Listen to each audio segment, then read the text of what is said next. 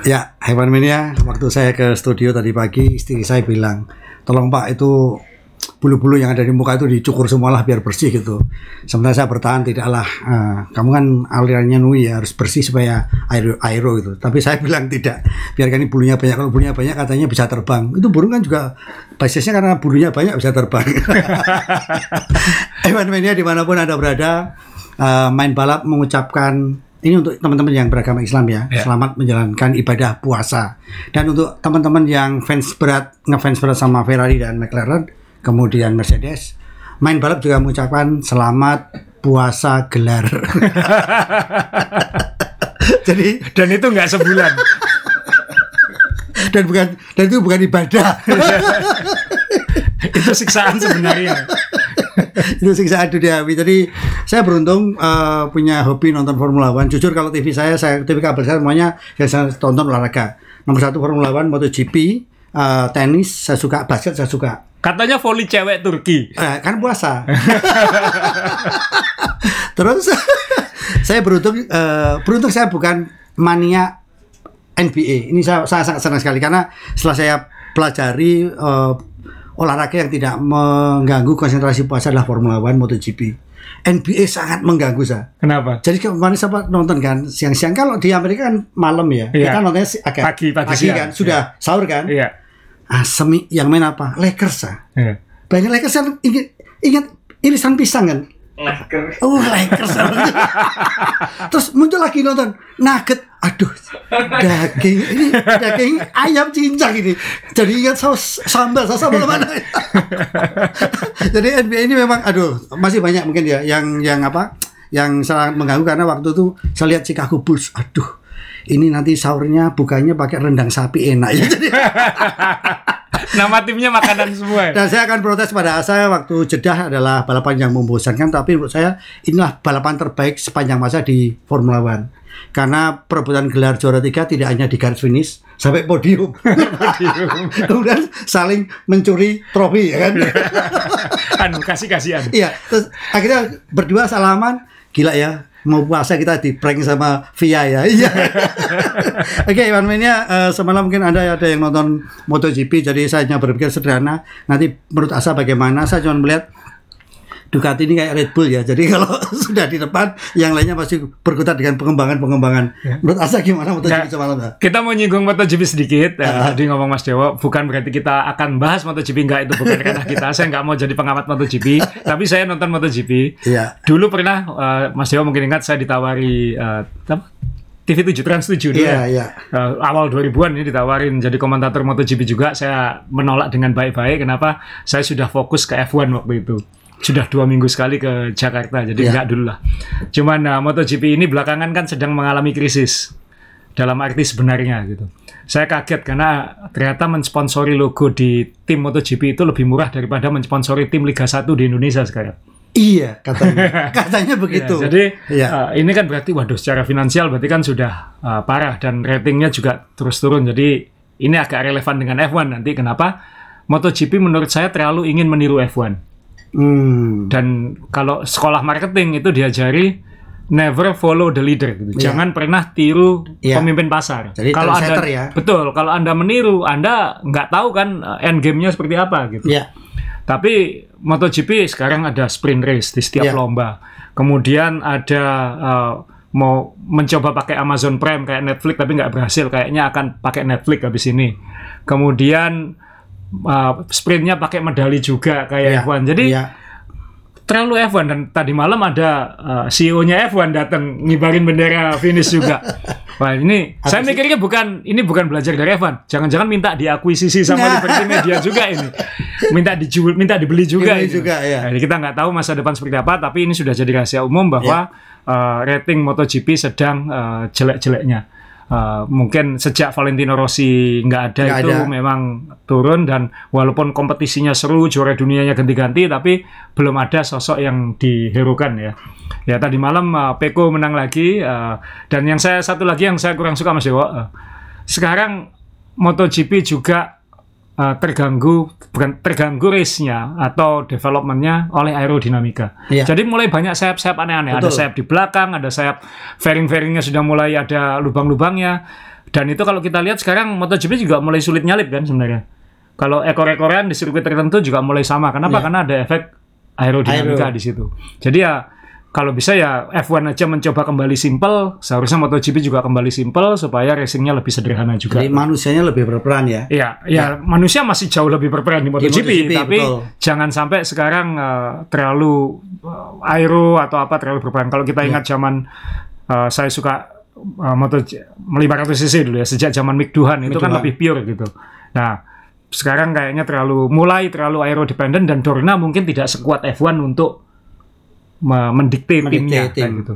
Uh, ketidakmampuan mendikte itu terlihat lagi waktu terjadi kecelakaan tadi malam Mas Yo. Iya, Wah itu kecelakaan parah sekali. Betul. Maksudnya itu itu bisa membunuh itu. iya. Karena kan dihantam langsung, walaupun itu kesalahan. Hukumannya hanya lomba berikutnya dua kali Hmm. long lap. Itu sama kayak sengaja menabrak di F1, eh, menghancurkan lawan ya tahun lalu juga terjadi. Dan penaltinya kamu qualifying nggak diganggu, tapi nanti kamu pit stop 5 detik kayak gitu. Kalau di F1 kan kadang penalti Iya. 5-10 posisi start, Iya. atau ada sistem poin yang uh, bisa di ban nggak bisa balapan. Iya. Kalau menurut saya tadi malam itu layak di ban itu sudah. Iya. Dan sekarang kayaknya mulai banyak teriakan untuk di ban kan kayak gitu. Iya. Hingga ya saya nggak tahu tapi saya melihat mulai ada krisis uh, ketegasan dan krisis uh, krisis sosok di MotoGP. MotoGP. Itu Iya. itu itu batasan saya karena ini relevan dengan F1. Iya. Mas Yowo lebih suka MotoGP daripada saya sekarang. Ya, saya lagi usul nih. Jadi ke- kemarin saya juga tidak setuju ada yang usul. Ini keamanan MotoGP kan lemah sekali gitu kan. Jadi ada yang niru. Kenapa nggak niru halonya eh, Formula One? Nah kalau MotoGP pakai halo, mending balapan bajai aja gitu kan. Iya. Jadi balapan baja. Ya dan itu itu juga menunjukkan ketidakmampuan MotoGP mendikte sirkuitnya juga kan. Iya. Dia nggak punya pilihan, dia harus di sirkuit ini misalnya. Nah ini juga menjadi uh, uh, sedih juga ngelihat MotoGP ratingnya turun. Indonesia sekarang invest di MotoGP. Banyak. Jadi ada satu tim yang saya lihat banyak sekali dan mungkin kalau Asa tadi bilang nilainya juga Asa ini pernah eh, waktu itu Alec Young yang nawarin mau nggak perusahaanmu di helm ingat Iya. nggak? Iya kan? Iya. Mungkin nilainya dengan sekarang nggak jauh beda padahal berapa tahun Berapa tahun yang lalu. puluh Iya. tahun yang lalu gitu Iya. kan. Nah saya nggak tahu juga ini tentang MotoGP saya jadi intinya eh, sedih juga kalau misalnya sekarang eh, sprint race-nya itu ya yang kena kemarin. Dia sprint bener tuh. Beberapa lap udah kena duluan dia. Udah sprint sekali dia. Cepat banget gitu kan. Iya. Nah, ini kan eh, menurut Asa empat pembalap saya yang utama tadi malam tidak banyak pembalap top yang tidak muncul malam karena korban Kecelakaan. Kecelakaan Jadi itu itu menolong Peko sih. Saya nggak nggak mau bahas lombanya Mas Yo. Cuman tadi Mas Yo benar itu 2002 Mas Yo. Eh, Iya. Saya ditawari pasang logo di helm Helmnya. pembalap F1. ya Uh, dan nilainya jauh lebih murah daripada eh masih lebih mahal ya dari tahun 2002 ini ya 2002. masih lebih mahal daripada uh, beberapa logo sponsor Indonesia yang ada di ya di Salah satu. di tim MotoGP sekarang. Iya, itu iya. menunjukkan value jarak betapa bedanya jarak antara F1 dengan uh, MotoGP. Tapi itu berikutnya. Kita sekarang ngomongin berita-berita santai F1 dulu sebelum kita ngomong ke Red Bull dan Albert Park Mas ya. oke sa Ya nanti kelamaan di MotoGP Mas Dewa, Mas Dewa suka MotoGP soalnya. enggak juga Jadi kalau ada yang butuh lucu di MotoGP Mas Dewa bisa. Nah, yang berikutnya ini eh, terkait sama Porsche yang Iya. gagal eh, masuk F1. Akhirnya Iya. mereka memutuskan nggak jadi masuk F1. Eh, dan ini saya memasang foto terakhir kali Porsche di F1 itu tahun 91. Eh, waktu itu ikut tim Footwork yang Eros. Kita kenalnya sebagai Eros. oh Eros ya. Tapi waktu itu sempat dikenal sebagai Footwork waktu eh, investornya orang Jepang. Hmm. Jadi ini mesin hanya dipakai setengah musim lalu out karena overweight, underpower. 100 kilo overweight, 100 horsepower under. Ya. Jadi langsung dalam 6 lomba atau 7 lomba, footwork langsung ganti mesin ke Ford. Jadi itu uh, kegagalan terakhir Porsche adalah tahun 91 padahal pembalapnya Michele Alboreto ini uh, mantan Ferrari yang pernah menang-menang. Kemudian uh, Porsche akan mencoba comeback bersama Audi satu Ya. satu induk kan satu perusahaan di bawah Volkswagen. Kemudian uh, ini penggemar Volkswagen di sebelah saya. ini. Tadi datang-datang Pak, Zaza Zaza itu nunjukin parkiran VW merahnya sombong ya. Enggak, enggak bukan sombong karena ini puasa sa. Kalau puasa itu sebaiknya pakai mobil. Ini saya 65 dia 66. Puasa harus dipakai karena apa? Kalau mau pakai mobil tua itu kan semakin dekat dengan Tuhan sa. Jangan pokok ya Tuhan, jangan pokok. Saya malu di jalan, enggak tahu mesin. Oke, saya lanjut sa. Jadi uh, di bawah Volkswagen waktu itu jelas rencananya Audi akan bikin mesin sendiri Iya. dan akuisisi Sauber. Sauber. Mungkin akuisisinya itu timingnya pas banget. Sebelum ngelunjak tim-tim ini harganya naik nggak Iya, karuan. Iya. Nah, Porsche waktu itu seharusnya sudah ada kayaknya kesepakatan tangan eh, dengan Red Bull. Red Bull. 50-50, eh, kemudian pakai Red Bull Powertrain di badging Porsche, Ya. kemudian Porsche ngasih dana marketing atau tambahan biaya development. Ternyata batal. Batal juga, ya. Batal dan kemudian Porsche mungkin diskusi dengan beberapa tim dan mungkin nggak ketemu karena kalau mau beli tim, tim-tim sudah tahu harga melonjak. Hmm. Nah, kan Williams masih murah, Sauber mungkin masih murah waktu itu. Sekarang sudah minta 600 juta dolar semua mungkin tim-tim. Nah, akhirnya Porsche mungkin nggak nemu cara, mereka memutuskan dalam jangka menengah tidak akan masuk F1. Jangka menengah itu kan tiga tahun sampai lima tahun. Iya. Jadi ya mungkin goodbye Porsche, kecuali nanti ketemu jalan yang yang beda. Iya. Misalnya Audi bilang udahlah pakai mesinku aja, kamu pakai nama Porsche, cari tim yang uh, kamu cocok. Iya. Dan ini ada beberapa tim yang masih uh, freelance, free agent, uh, punya potensi kosong. Kosong. Uh, McLaren, Iya. Williams, uh, uh, ya itu dua yang besar mungkin Haas kalau bisa digoda keluar. Iya. Nah ini masih ada potensi lah untuk pindah ke tim lain. Tapi Porsche memutuskan dia sudah nggak nggak lagi berminat 2026. Tapi mungkin itu juga negosiasi kita nggak tahu. Oh iya betul juga, betul juga, betul Jadi- juga, ya. Karena tim F1 sudah terlalu mahal sekarang. Iya. Dan dengan situasi F1 ini saya khawatir F1 ini overheat. Jadi kalau tadi MotoGP harganya lagi murah-murahnya, ya. F1 lagi mahal-mahalnya. Dan mahal-mahalnya ini juga nggak bagus. Kan kemahalan juga nggak bagus. Kalau kita beli saham kan kalau lagi murah, Beli. kalau itu potensi beli, kalau saham kemahalan jangan dibeli. Iya, Nah F1 mungkin sekarang sahamnya kemahalan. betul. Nah, akhirnya kejebak di tengah-tengah sekarang Andretti Cadillac kan. Iya. dia mau masuk atau enggak karena dia pas mau masuk pas masih harganya oke, ketika dia mau masuk beneran Beneran, udah pasang harga mahal semua sudah. udah blue chip semua ya. Udah blue chip semua. Itu kan gampang sebenarnya. Kalau di Formula One mahal, beli dua tim MotoGP udah empat roda. oh iya bener juga ada empat roda ya. Pas murah-murahnya kan. Iya, jadi Atau eh, jalan tengah Mas Dewa, balapan baja itu. Sa- sebentar kalau eh, sebenarnya kalau kalau secara eh, apa ya kita ngomong citra dan masuknya Porsche Porsche atau mungkin juga yang lainnya itu menaikkan image nggak atau sudah cukup Formula One itu udah memang lagi top-topnya sekarang jadi nggak perlu Ya, dalam situasi sekarang F1 nggak butuh. Ini mungkin belajar juga dari tahun 2000-an dulu ya. Ya. Waktu itu ada BMW jor-joran, Iya, Toyota jor-joran, uh, Mercedes juga Toyota, ada di McLaren. Honda, Toyota. Oh, ya leng anu, Iya, lengkap waktu lengkap itu. semua tim. Tapi Ah, begitu pabrikan. begitu ekonomi 2008 ekonomi global Iya. merosot, uh, out semua dan F1 krisis. betul Yang baru sembuh kira-kira 2017 ketika diakuisisi oleh Liberty Media. Liberty ya Nah, sekarang ini mungkin sedang kemahalan. Nah, ini tapi bedanya dengan dulu, sekarang yang mendikte F1 sendiri. hmm, Kalau dulu didikte oleh pabrikan, pabrikan seperti MotoGP sekarang. Iya, iya, iya. Jadi MotoGP mungkin solusinya dijual aja ke Liberty mungkin. Liberty kan dia punya power, dia bisa maksa sirkuit, dia bisa, iya kan? Iya, tapi ya ini kalau kita bandingkan Formula One dengan eh, apa istilahnya MotoGP. MotoGP kera- kerasa sekali ya antara Eropa melawan Jepang gitu kan. Iya. Iya kan rasanya begitu kan. Iya kan. Di Formula One kan masih rata, Rata, ya. ya. Iya, memang Eropa anunya.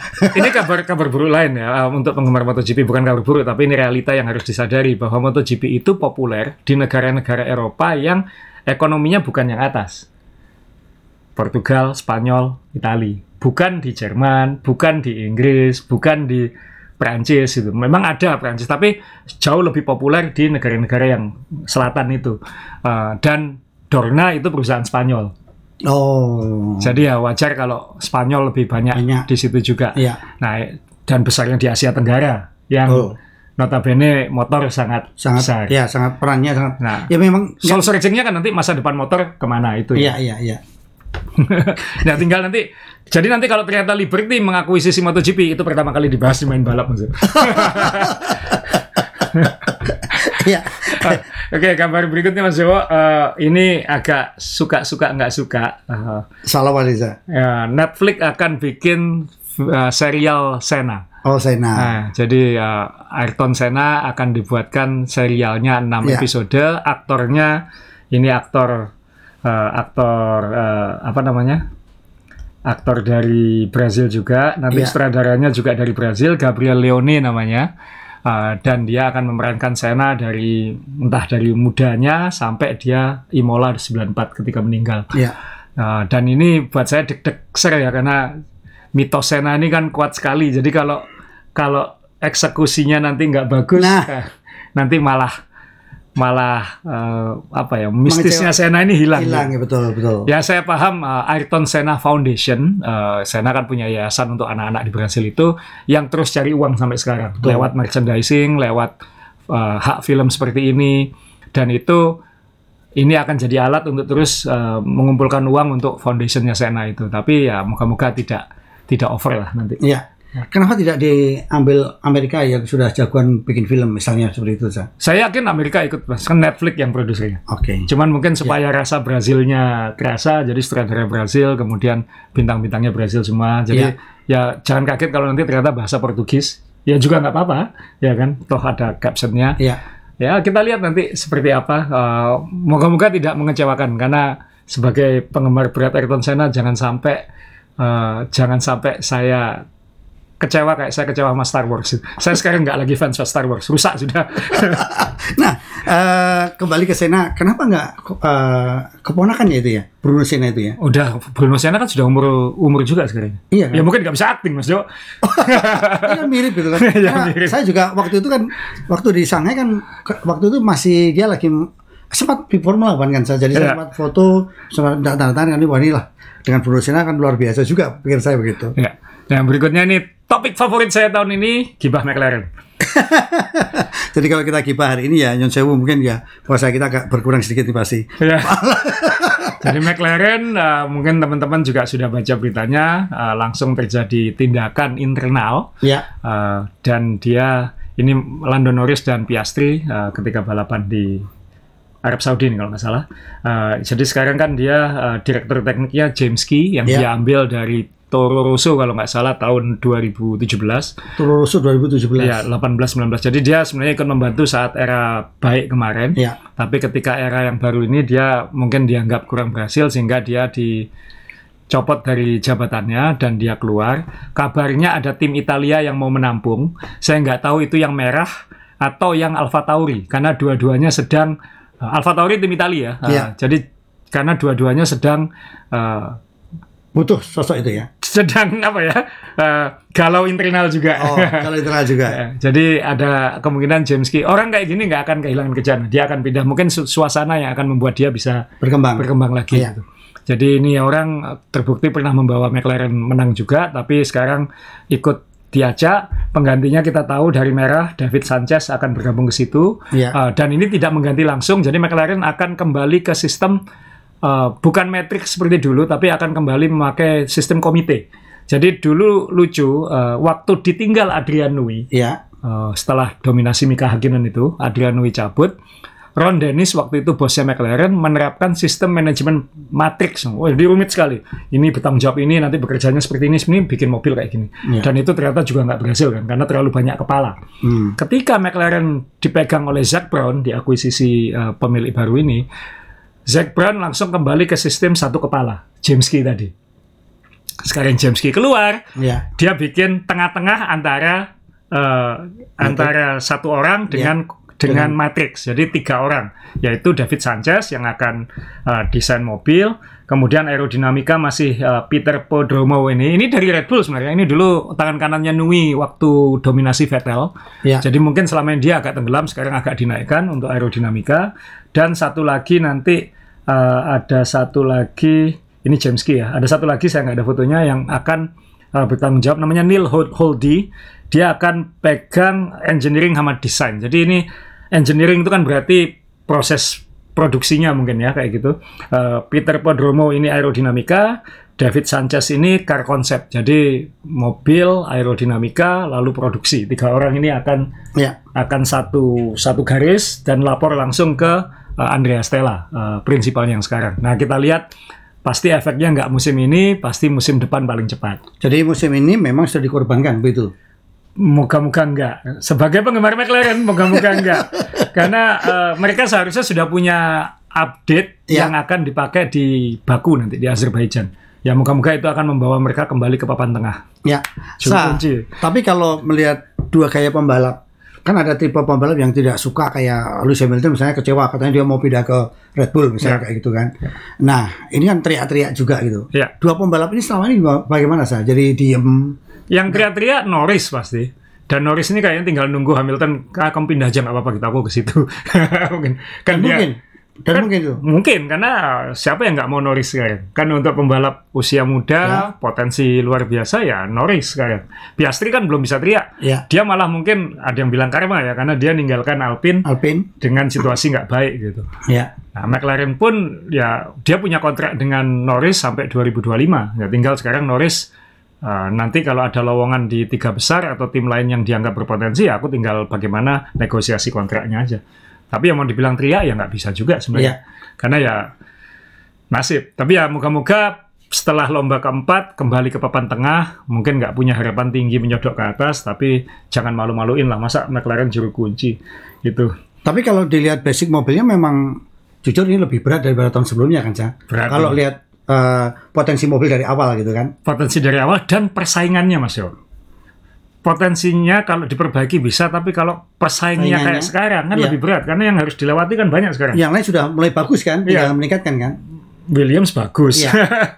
Aston Martin udah kejauhan di atas. Iya, betul. Alpine nggak nggak melot, Iya. nggak melorot jauh. Menurut, ya. Ah, Sauber, ah, Alfa Romeo nggak melorot jauh. Haas juga masih Haas juga masih di situ. Iya, betul. Jadi yang nyalipnya itu susah dia. Ya harusnya bisa lah kan kalau dilihat dari kemampuan kualifikasi Piastri kemarin eh, Q3. Norris kita tahu jago qualifying Iya. dan bisa memaksimalkan mobil. Ya moga-moga tidak tidak sehancur itulah McLaren. Tapi ya saya siap-siap mental aja kalau McLaren tahun ini juru kunci beneran. Eh, secara internal tim, apakah sekacau yang lainnya juga? Karena ini banyak tim yang kacau juga secara internal kan, Sa? Ah, ya karena satu dia sudah ditinggal duluan sama ah, sama prinsipal sebelumnya Andreas Seidel kan. Iya. Uh, kemudian dari situ kemudian terjadi acakan ini. Uh, saya nggak tahu uh, Seidel itu keluar karena dia ngelihat kayaknya tim ini mulai ada masalah atau apa. Uh, tapi tanda-tanda itu ada. Tapi dengan restructuring yang sekarang dan kalau melihat situasi finansialnya harusnya kan nggak separah itu. Ya moga-moga nggak separah itu. Kalau nggak ngerisetnya kebanyakan ini. Iya. Jangan-jangan nanti malah saking kacaunya McLaren tahun ini jadi juru kunci, pemasukan dari F1-nya turun, tahun depan merger sama Andretti. Jangan-jangan temen ya. iya. Atau kalau malah turun di G- eh, GP2 nanti kan. Nah, itu dia. Kasihan juga gitu kan. Juga. Ada lagi untuk McLaren, Sa? Nggak ada, kita langsung bahas ke tema utama sekarang Ya. karena uh, meng- nggak tahu orang pengen ngomongin Red Bull apa enggak sih masuk? Ah, sebenarnya kalau saya pengen karena begini, saya tuh balas dendam gitu ya. Dulu Indonesia itu kan kacau balau karena DVD at Impera ya kan.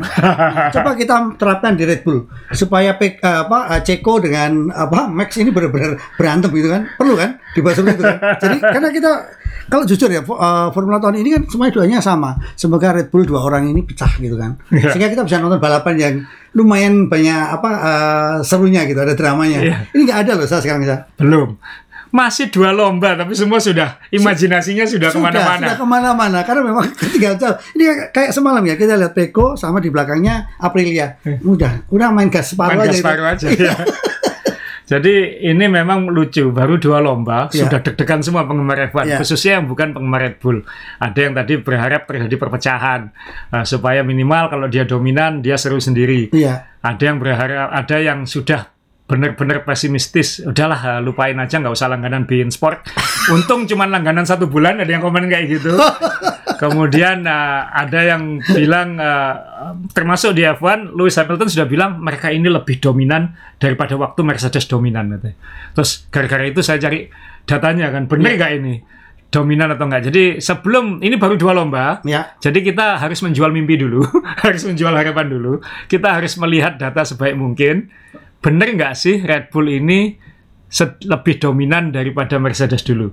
Lalu kita harus lihat sejarah tim mana yang paling dominan dalam sejarah kan Mas Yo? Iya. Nah ini uh, ini ada data yang saya kumpulin yang saya tahu sejak uh, yang minimal sejak saya ngikutin F1 McLaren Honda Iya. tahun 88 itu menang 15 dari 16 lomba.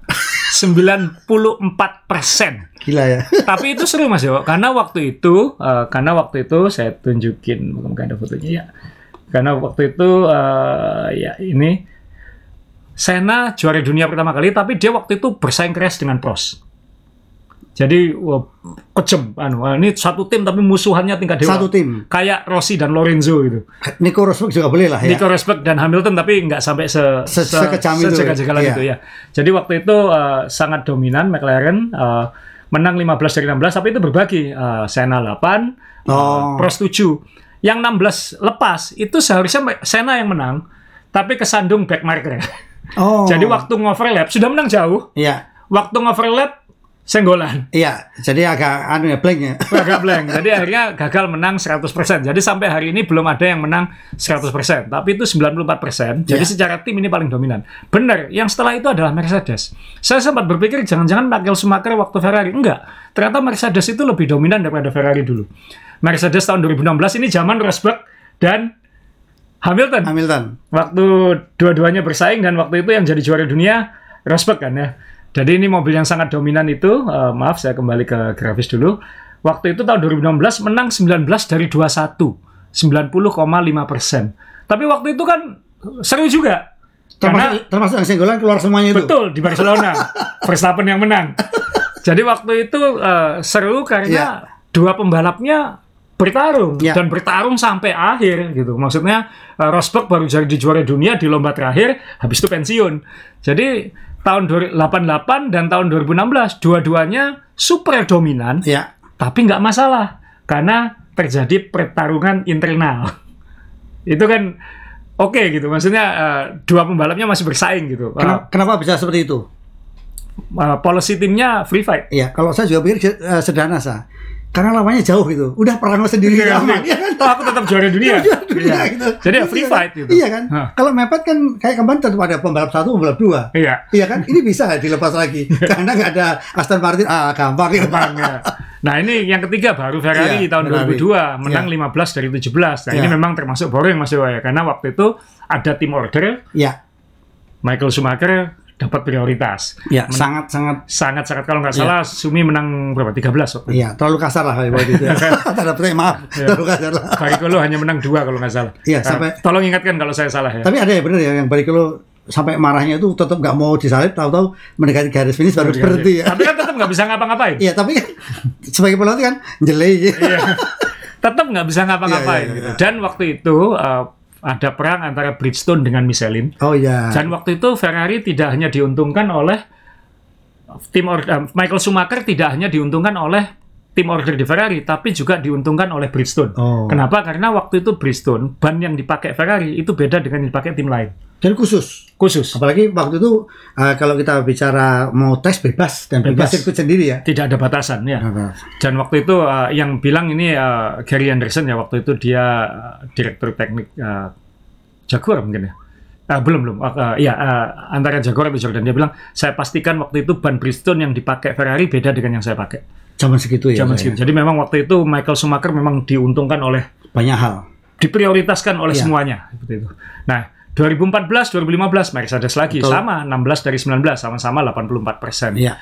Dan waktu ini ya walaupun waktu itu Hamilton dominan tapi Rosberg waktu itu masih bisa ngasih perlawanan Iya. menang 5 6 lomba. Iya. Jadi juga nggak Enggak ya tahu. boring tapi harus diingat ini dua musim di mana rating F1 anjlok-anjloknya waktu itu. Iya.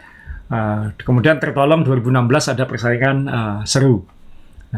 Nah, baru kemudian Ferrari lagi. Uh, Ferrari lagi tahun 2004 menang 15 dari 18 dan ini sama Michael Schumacher dapat prioritas. Nggak Ya. seru. Jadi dua yang paling seru ini adalah dua di mana dua anggota timnya berhak bersaing. Bersaing. Pertanyaannya sekarang tahun 2023 dua orang ini seperti apa? Ini kalau kita lihat Perez sedang menang, Um, Max Verstappen kita lihat ekspresinya di foto. Dia Iya, iya. Tapi tapi saya tetap masih eh, berpikiran sederhana saja. Jadi Verstappen ini masih tetap diutamakan kalau menurut saya. Iya. Kenapa? Uh, Verstappen kok dirahasiakan waktu itu kan? ya, iya itu Iya kan? Di, dirahasiakan halus, Halus, iya kan? Itu nggak kan- belak-belakan ya. Iya, itu kan sama keperpihakan kan saya tidak tidak benar-benar dilepaskan ya. Ya, Dan Ceko baru tahu saat wawancara ya. Iya kan? eh, Dan- Ceko, ya, Perez. Ya. Iya, dan kalau saya nggak tahu lagi saya nanti kalau mobil asa yang membahas, tapi kan kalau kita lihat kemarin itu kan memang kemenangan Perez itu apakah murni atau diuntungkan karena uh, Iya. Max startnya di belakang. Pasti diuntungkan karena Max di belakang. Nah, kalau kembali normal kan juga sama saja. Bisa jadi. Jadi ya, ya benar Mas Dewa minggu lalu kita kan berharap uh, Verstappen ini nggak finish supaya di fur Berapa kali gitu berapa ya? kali supaya uh, ada warna lah di balapan-balapan berikutnya.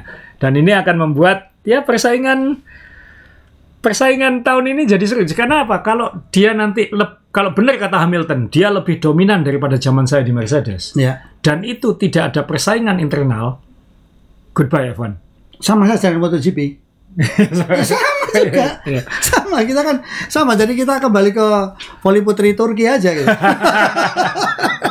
Jadi go- goodbye F1. Iya. Dan kalau kita lihat berarti kan berarti kan benar ada juga yang komen kan eh, di komen kita. Ini kan bukan salahnya Red Bull, ini salah tim lain. Ya. Salah tim lain kenapa nggak bisa membuat mobil, mengembangkan mobil seperti Red Bull? Ya. Benar.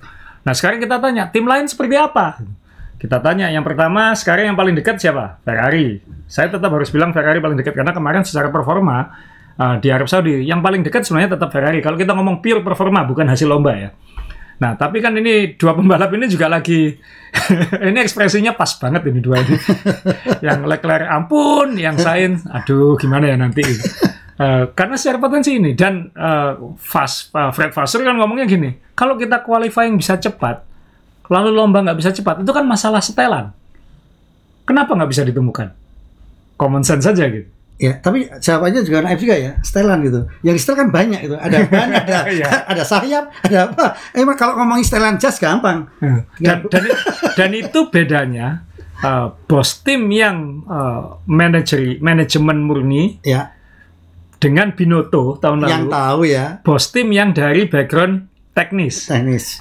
Mungkin Binotto agak melindungi anak buahnya. Ya. kalau Vasur nggak peduli aku taunya pokoknya hasilnya seperti apa. Itu urusanmu untuk membenarkan. Kalau kamu nggak bisa benerin aku cari orang lain. Nah ini dua pendekatan yang sudah sangat berbeda di Ferrari. Ini ini dan ini di Ferrari seperti itu bisa culture shock. Karena yang satu dulu sama-sama insinyur sama-sama engineer Iya. jadi tahu kalau ini harus begini harus begini ada stepnya. Ya mungkin salahnya dia juga nggak bisa ngepush kan jadinya kan yang satu lagi nanti datang kenapa nggak bisa kamu kan harusnya dibayar untuk ini kenapa kamu nggak bisa Hmm. Iya. ini kan pasti menciptakan culture shock dan itu mungkin kenapa David Sanchez keluar dan kemudian mungkin ada gejolak-gejolak Gejolak internal dalam, ya. apalagi Iya. Vasur bukan orang Itali nah kalau gejolak itu berkepanjangan bahaya untuk Ferrari tapi kalau Vasur bisa membuat ini sebagai Menambal ya istilahnya ya. bukan menambal nggak apa-apa dikocok Mas Dewo Iya. tapi jangan lama-lama Hmm. dan harus ketemu solusi situ. Iya. Jadi yang dilakukan Vasur kan mungkin aku kocok aja sekarang kayak gitu. Tapi tengah musim sudah clear kayak gitu. Dan kita bisa punya arah yang jelas musim ini dan musim depan. Di depan. Jadi kita harus melihat eh, ya mungkin ya sama empat lomba Ferrari mungkin nggak butuh lama ya tengah musim kita sudah tahu dia mungkin nggak perlu setengah musim mungkin kita empat lima lomba ini akan kelihatan polanya seperti apa. Eh, yang jelas Leclerc sudah masalah mesin karena kan ya, power unitnya sudah mulai ganti-ganti. Iya. Uh, kemudian uh, kalau memang itu masalah setelan, itu masalah dipus, masalah engineering, harusnya bisa diselesaikan dalam beberapa lomba. Jadi kita akan melihat, nggak perlu nunggu lama-lama. Ya, tapi Sainz juga kelihatannya juga tidak semaksimal Leclerc. kan. Jadi susah juga ini kan. Susah. Ferrari ini susah juga, kompleks juga ini per- permasalahannya. Tapi mungkin bukan masalah yang fundamental dan bukan masalah long term. Iya. Mungkin beda dengan Mercedes, Mas Dewo. Nah, ini kita pasang muka yang sungut-sungut semua hari ini ya, karena mungkin muka muka orang puasa semua ini. Jadi Toto Wolff uh, sudah bilang kan sudah ngamuk dia di Arab Saudi. Udah ini udah nggak mungkin. Ini tim engineer udah salah keputusan semua. Ini udah udah harus ganti fundamental konsep semua. Dia kayak Vasur kan. Iya. Tak butuh berapa lama? Dia sendiri yang ngomong Mas Yo. 6 sampai 12 bulan. 6 sampai 12 bulan. 6 bulan dari sekarang paling cepat kalau lancar 12 bulan berarti tahun depan. Sponsornya ganti sponsor merek handuk aja udah. Udah lempar handuk tuh sama. Iya kan? Jadi ya, ya masuk akal karena dia harus ganti fundamental konsep mobil. Dan dia sudah bilang, aku udah nggak peduli lagi kalau itu nanti mirip dengan Red Bull. Dia bilang kayak gitu. Jadi sudah menghalalkan semua cara udah ya, ini udah terbukti tim teknis saya gagal. Jadi kalau mau ya harus berubah konsep total. Berubah konsep total nggak semudah setelan. Ya. Jadi 6 sampai 12 bulan itu berarti tahun depan. Iya, Tapi dia bilang dia bilang tapi tahun lalu kita butuh 6 kenapa 6 bulan? Karena tahun lalu kita butuh 6 bulan untuk menyadari eh, kelemahan mobil Kelemahan, kita dan kemudian bisa menang. Tahun ini dia butuh 6 bulan lagi. Padahal mobil ini sudah dibetulin dari tahun lalu kan. porpoisingnya. Dia butuh enam bulan untuk mengoreksi porpoising. Ini sudah nggak porpoising. Butuh enam bulan lagi untuk ngubah apa lagi? Berarti kan fundamentalnya. Dan itu butuh enam bulan. Wah, ini berarti ini lebih pelik daripada uh, Ya. Ferrari. Ya, Tapi tapi potensinya kalau dia memang benar-benar rela mengorbankan awal musim lalu bikin konsep B di setelah enam bulan potensinya mungkin lebih besar dari Ferrari. Ferrari mungkin agak tersandra sekarang. Short term-nya lebih baik, Ya. long term-nya nggak tahu. Ya, dan dia mobil tahun depannya juga oke kalau memang dikorbankan tahun Betul. ini ya. Bisa oke gitu. Bisa oke. Yang ketawa kan Red Bull. Iya. Yang Kenapa- ini Ferrari masalah jangka pendek, Ya. ini masalah jangka panjang. Aston Martin nyamuk lah, nggak terlalu nggak terlalu berat lah, masih bisa lah. Kan kita berharap dari Aston Martin. Aston Martin mau mengembangkan potensinya nggak, ya saya bisa salah ya. Belum tentu bisa seperti Mercedes atau Ferrari. Kenapa? Suspensinya punya Mercedes, gearboxnya punya Mercedes, Mercedes, iya. power unitnya punya Mercedes. Ya kalau Mercedes berubah haluan, dia Iya. Mungkin kalau mau bikin tim baru ya belajar dari MotoGP ke mana ada yang tim bagus itu yang gas gas gas tuh. Menurut saya bagus itu. Hmm, namanya bagus ya. Iya, Gas, gas, gas, gas. Agak komedik namanya. iya, yang lain motor listrik ini malah pakai gas. Gas, gas, gas. eh, sa, eh, sebenarnya kalau for eh, Red Bull, benarkah memang mobil ini punya punya kelebihan dibanding yang lain? Misalnya selain aerodinamikanya, mungkin atau mungkin juga punya powernya atau apa yang mungkin juga tidak gampang dikejar untuk eh, tim-tim lain yang saat ini sedang sedang berbenah dan kebingungan itu kan. Dia udah unggul semuanya, Mas. Yo. Sudah unggul semuanya, udah sulit ini. Eh, dia dia benar dia benar-benar secara harfiah konsep baru yang bagus disempurnakan. Sulit. Ada yang bilang kita semua masih punya harapan karena dia tengah musim eh, kena hukuman tidak bisa uji coba. Uji coba ya. Tapi kan mobilnya sudah terlalu jauh. Dia bisa aja sekarang ngorbanin pengembangan. Mobilnya nggak usah dikembangin, menang terus kok. Ya.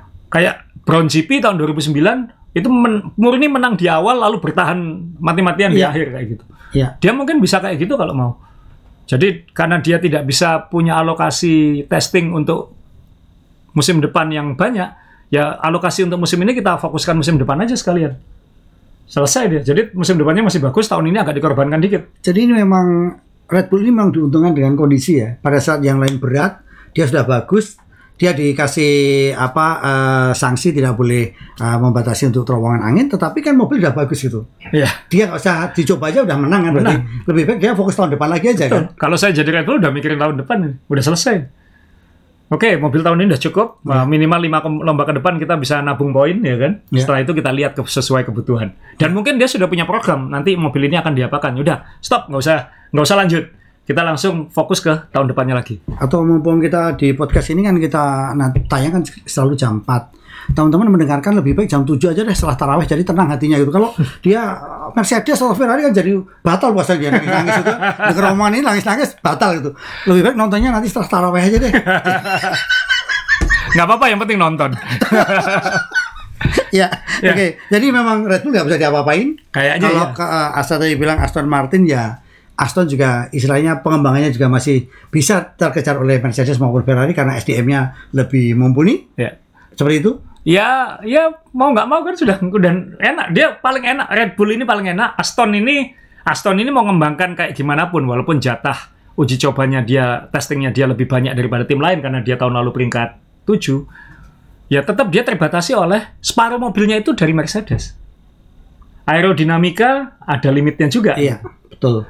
Sehingga potensi dia mungkin tidak bisa seperti uh, Red Bull atau tim pabrikan. Ya, yang kita harapkan adalah ya seperti yang diomong Alonso, moga-moga nanti Red Bull mas apa kesa- tersandung dirinya Iya, sendiri Dirinya sendiri. ya. sehingga Jadi internal ya.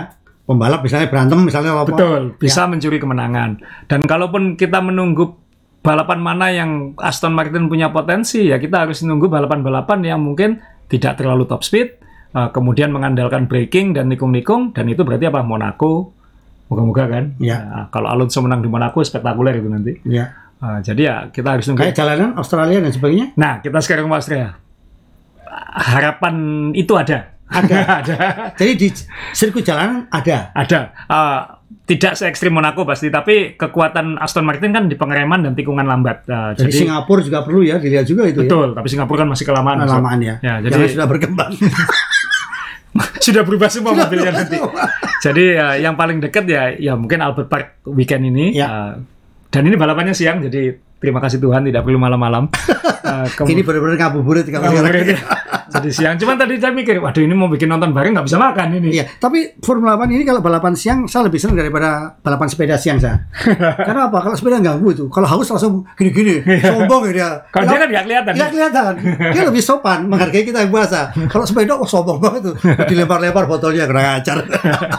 Oke, sa. Jadi- Kita ada tambah lagi nggak sebelum kita ke Ya, Albert Paksa? kita langsung ke Albert Park, Ya. tapi se- saya pengen, belum pengen beralih dari foto ini Mas Jawa karena Anda lihat posisi mobilnya eh, Alonso ya. Iya. Dia agak keluar sedikit doang ini yang bikin dia kena hukuman ya. Jadi yang lain lurus, Iya. relatif lurus di tengah. Eh, kita lihat eh, Perez dia lurus pas di Betul, tengah betul. kotak. Dia agak nginjek garis keluar garis ban ban kirinya ini. Dan ini sekarang ternyata diteliti banget sama Stu, eh, Mars- eh, Stuart F1 yang baru Iya. sehingga nanti kita akan melihat saat saat start nanti semua pembalap akan hati-hati masuk garisnya ini. Ya.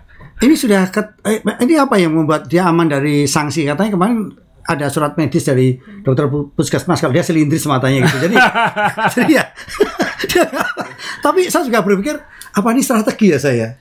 Enggak juga menurut saya. Bisa sekali kalau Alonso mungkin dia pengen sekiri mungkin supaya karena tikungan berikutnya akan ke kiri kan ya. Iya. Tapi eh, kalau kita ingat dulu, ingat nggak Mas? Dulu terkenal yang istilahnya Schumacher chop. Oh iya, membuang Saya, saya nggak teman-teman mungkin bisa bantu di komen, bisa Iya. bantu carikan foto-fotonya atau apa. Zaman dulu kayaknya lebih ekstrim itu karena mobil itu bukan bukan hanya dalam, tapi posisinya bisa begini dulu. Ya kan Michael Schumacher dulu kalau startnya dia nomor dua dia dia akan langsung begini gitu. Oh itu udah kelihatan niatnya dia akan melakukan Schumacher chop. Iya, betul. Nah ini eh, kita akan lihat eh, dulu dulu dulu kenapa kok dibolehin sekarang kok enggak gitu. Iya. Ya mungkin aturannya terus saya sih nggak pernah perhatian aturan start karena ini sesuatu yang jarang dibicarakan dan baru terjadi tahun ini karena dua lomba berturut-turut dua pembalap kena gitu. Ocon di Ya. Bahrain dan Alonso di, Di Saudi. Nah kita lihat nanti di Australia ada yang kena lagi apa enggak. Tapi saya sih harusnya dikasih toleransi lebih lah selama dia tidak melewati batas depannya mungkin masih oke lah kayak gitu kan. Karena kan mungkin ngelihatnya kan sulit juga itu. Tapi selama ini nggak pernah ada masalah Sam. Atau memang ini sengaja dia. nah itu dia. Nah Karena memang dia kan jago start kan Sam. Selama ini startnya memang selalu bagus. Kan? Selalu bagus. Ya. Ya. itu dia. Tapi ya kita lihat nanti di Albert Park uh, Ya. sirkuitnya kita semua tahu ini sirkuit jalanan uh, tidak terlalu banyak lurus-lurusan. Betul. Jadi ngasih kesempatan untuk Aston Martin mungkin untuk lebih uh, berbuat. Uh, kemudian uh, soal penonton ini termasuk yang paling meriah tahun lalu 400 ribu lebih yang datang ke sirkuit. Iya. Uh, dan itu rekor Australia katanya. Jadi tahun ini kita akan melihat penonton yang saya kira juga sama spektakulernya.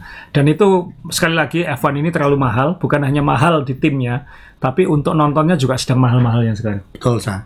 Apalagi penerbangan juga belum pulih semuanya. Belum pulih semuanya. ya kan? Jadi mahalnya itu kuadrat eh, atau Tapi kalau ke Australia mau nonton ada ke Melbourne ada triknya teman-teman jadi nunggu ada yang kecelakaan kapan hari kita bisa naik bisnis ya saya. sialan Mas Dewo. Ya. Jangan menunggu deh. Jadi Saya ceritakan teman-teman, saya sama Mas Dewo tahun saya lupa tahunnya. 2016. 2016. Eh 15 15. 15 kita nonton ke Melbourne waktu itu saya tawari Mas Dewo naik bisnis. Wah, oke masuk kita naik bisnis gitu. Ada lagi promo bisnis kelas murah gitu. Malaysia Airline Mas Dewo. Kenapa? Habis dua kali jatuh, harganya murah banget ini. Enggak waktu itu buat gitu gini. Mau nggak SQ ekonomi? Bisnis, bisnis. Tapi ini ah nggak apa-apa lah. Kenapa? Tanya kan kok berani gitu kan? Ingat Iya, nggak? kan sudah dua kali jatuh, masa bukan, tiga kali? bukan gitu. Kan ah, pilotnya tiga. Iya. Pilot co-pilot ada Allah kan. Wes niat kita kan. Jadi bisnis ya. bisnis. Dan bisa bisa sa- sama dengan pembalap di situ kan saya. Iya, sama dengan pembalap. Max Verstappen ya. gitu Iya. Baru di belakang kita ya. Saya tidur sih Mas Dewo yang terus bangun semua makanan dimakan sama Mas Dewo. saya tuh ya baru tahu ya. Saya itu kalau eh, naik pesawat kan hanya tidur sama membaca. Kalau saya enggak. Karena apa? Kalau saya baru tahu saya kalau di bis itu ya ini kantor orang desa ya.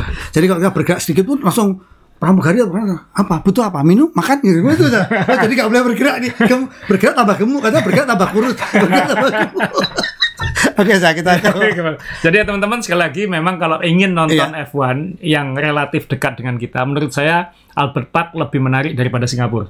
atau Suzuka loh, Sa. Suzuka sekalian, oke ya, loh. Jepang lagi murah sekarang ya. Oh iya, keren Ya, loh. Dan, itu penonton bisa historis dekat- ya, itu Iya. historis ya. Dan penonton bisa dekat dengan track.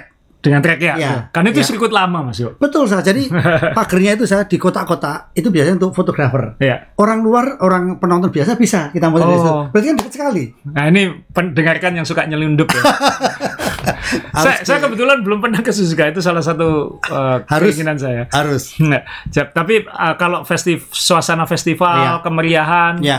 Dan dulu ini menangnya karena dia lomba pertama. Betul. Jadi semuanya baru. Betul. Sekarang sudah bukan lomba pertama, jadi uh, saya nggak tahu apakah uh, seperti dulu. Kalau saya jadi peliput, saya pasti pingin lomba pertama. Betul. Nah, jadi ini Karena itu tolak ukur ya saya. Tolak ukur. Karena dulu pernah ya ada tolak ukur.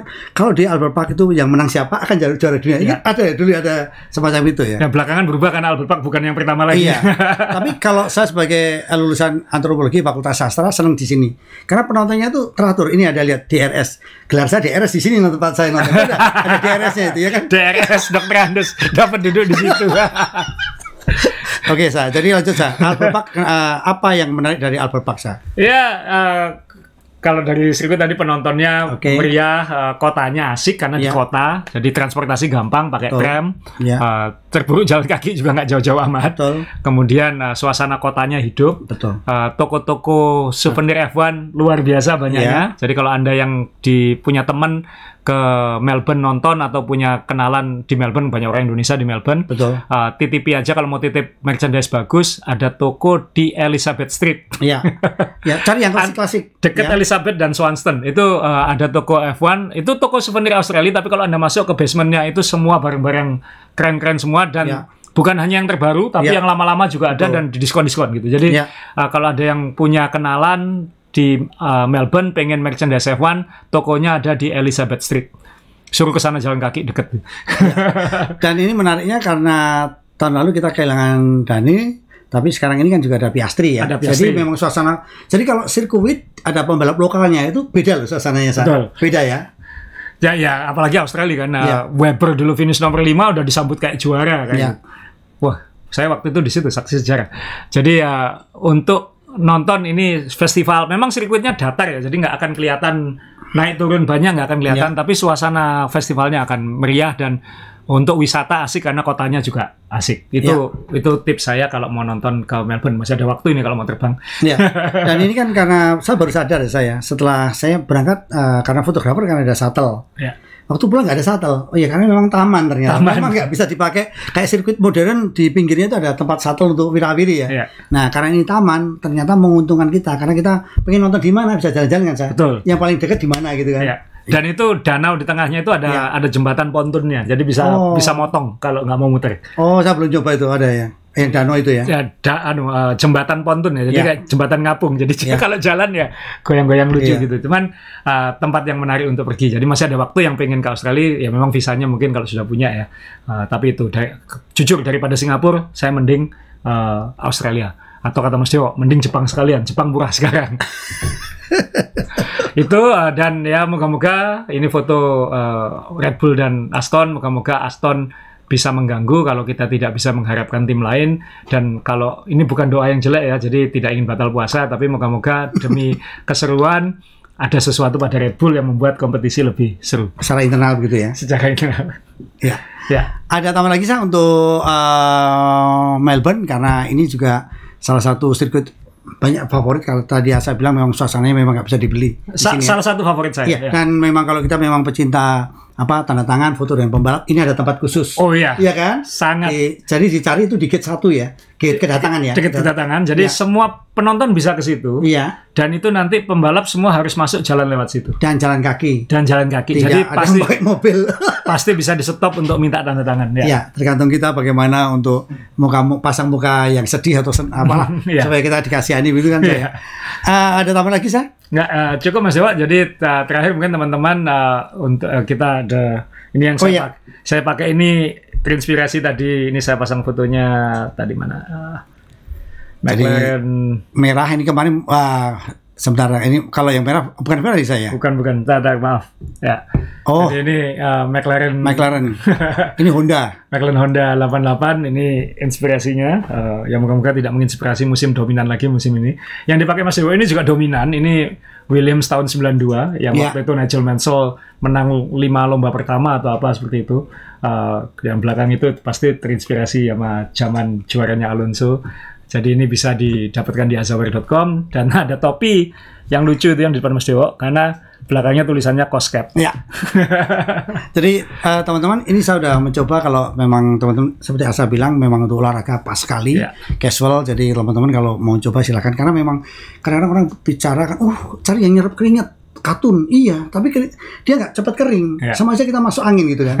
Jadi kalau orang-orang yang seusia saya memang cocok yang model-model seperti ini. Jadi kita cepat basah, cepat kering, gitu kan. Itu akan aman untuk tubuh kita. Ya, dan ini bah- bahannya beda dengan eh, edisi sebelumnya, jadi mungkin perlu naik satu size Iya. bagi yang kemarin Oh, size-nya, Ya, iya, iya. Jadi kalau yang edisi sebelumnya saya pakai M, ini saya pakai L.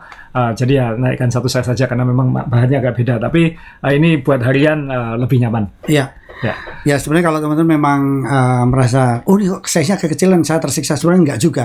Ini menjadi inspirasi untuk anda olahraga lebih keras lagi supaya kurus gitu kan? Ada ba- ada bagusnya seperti itu kan? pengalaman Mas Dewo. Iya, ini. karena jujur ini Ramadan ini saya sangat senang sekali buka-buka lemari saya. Semua baju yang oleh-olehnya Asa itu tidak pernah pakai M, kasih S terus. Kenapa? Ya biar kurus itu. Jadi ya lebaran ini atau lebaran bisa saya pakai saya karena masih kurus gitu kan. ya Evan Mania kita eh, ketemu lagi nanti setelah mm, Melbourne, tapi juga Evan Mania katanya mau nonton. Nanti ya, saya juga mau melihat eh, di sini ada di studio ini dekatnya ada Wednesday Cafe. Saya mau lihat sekalian nanti kalau memang eh, kita mau nonton kita di sini lebih dekat. Jadi Betul. Cuman ini kan masalahnya bulan bulan puasa, jadi kita kita lihat dulu kan. Iya, nggak apa-apa kita lihat dulu. Kalau tidak bisa pun nanti kita bisa makannya kan bisa ngabuburit saya, jadi bisa buka bersama nanti. Iya. Ya, baik Evan Mania eh, sekali lagi eh, kita doakan di Red Bull ada DVD at Impera ya. Jadi supaya balapan tambah seru. Walaupun ini do- doa ini doa yang tidak pantas karena bulan suci Ramadan. Tapi untuk keseruan silahkan teman-teman eh, berimprovisasi supaya Red Bull terjadi sedikit gesekan sehingga kita bisa nonton balapan yang seru selama eh, periode atau tahun ini. Asa terima kasih. Makasih. Sorry, Teman-teman- terakhir Mas Dewo, ini bukan hanya di azaware.com, Oh, iya. tapi di azaware, di Tokopedia sama Shopee juga ada. Tokopedia ya. Tapi kalau teman-teman lagi main ke Surabaya bisa juga di Sutos ya, namanya Sutos. Kalau Jakarta kan Citos, ini Sutos. Ya, Surabaya Town Square. Iya. Ada azaware store Ya, di sini. ya, silakan kalau mau mampir. Baik, Evan Minia sekali lagi terima kasih selamat menjalankan ibadah puasa. Terima kasih, jaga kesehatan. Sampai jumpa. Salam.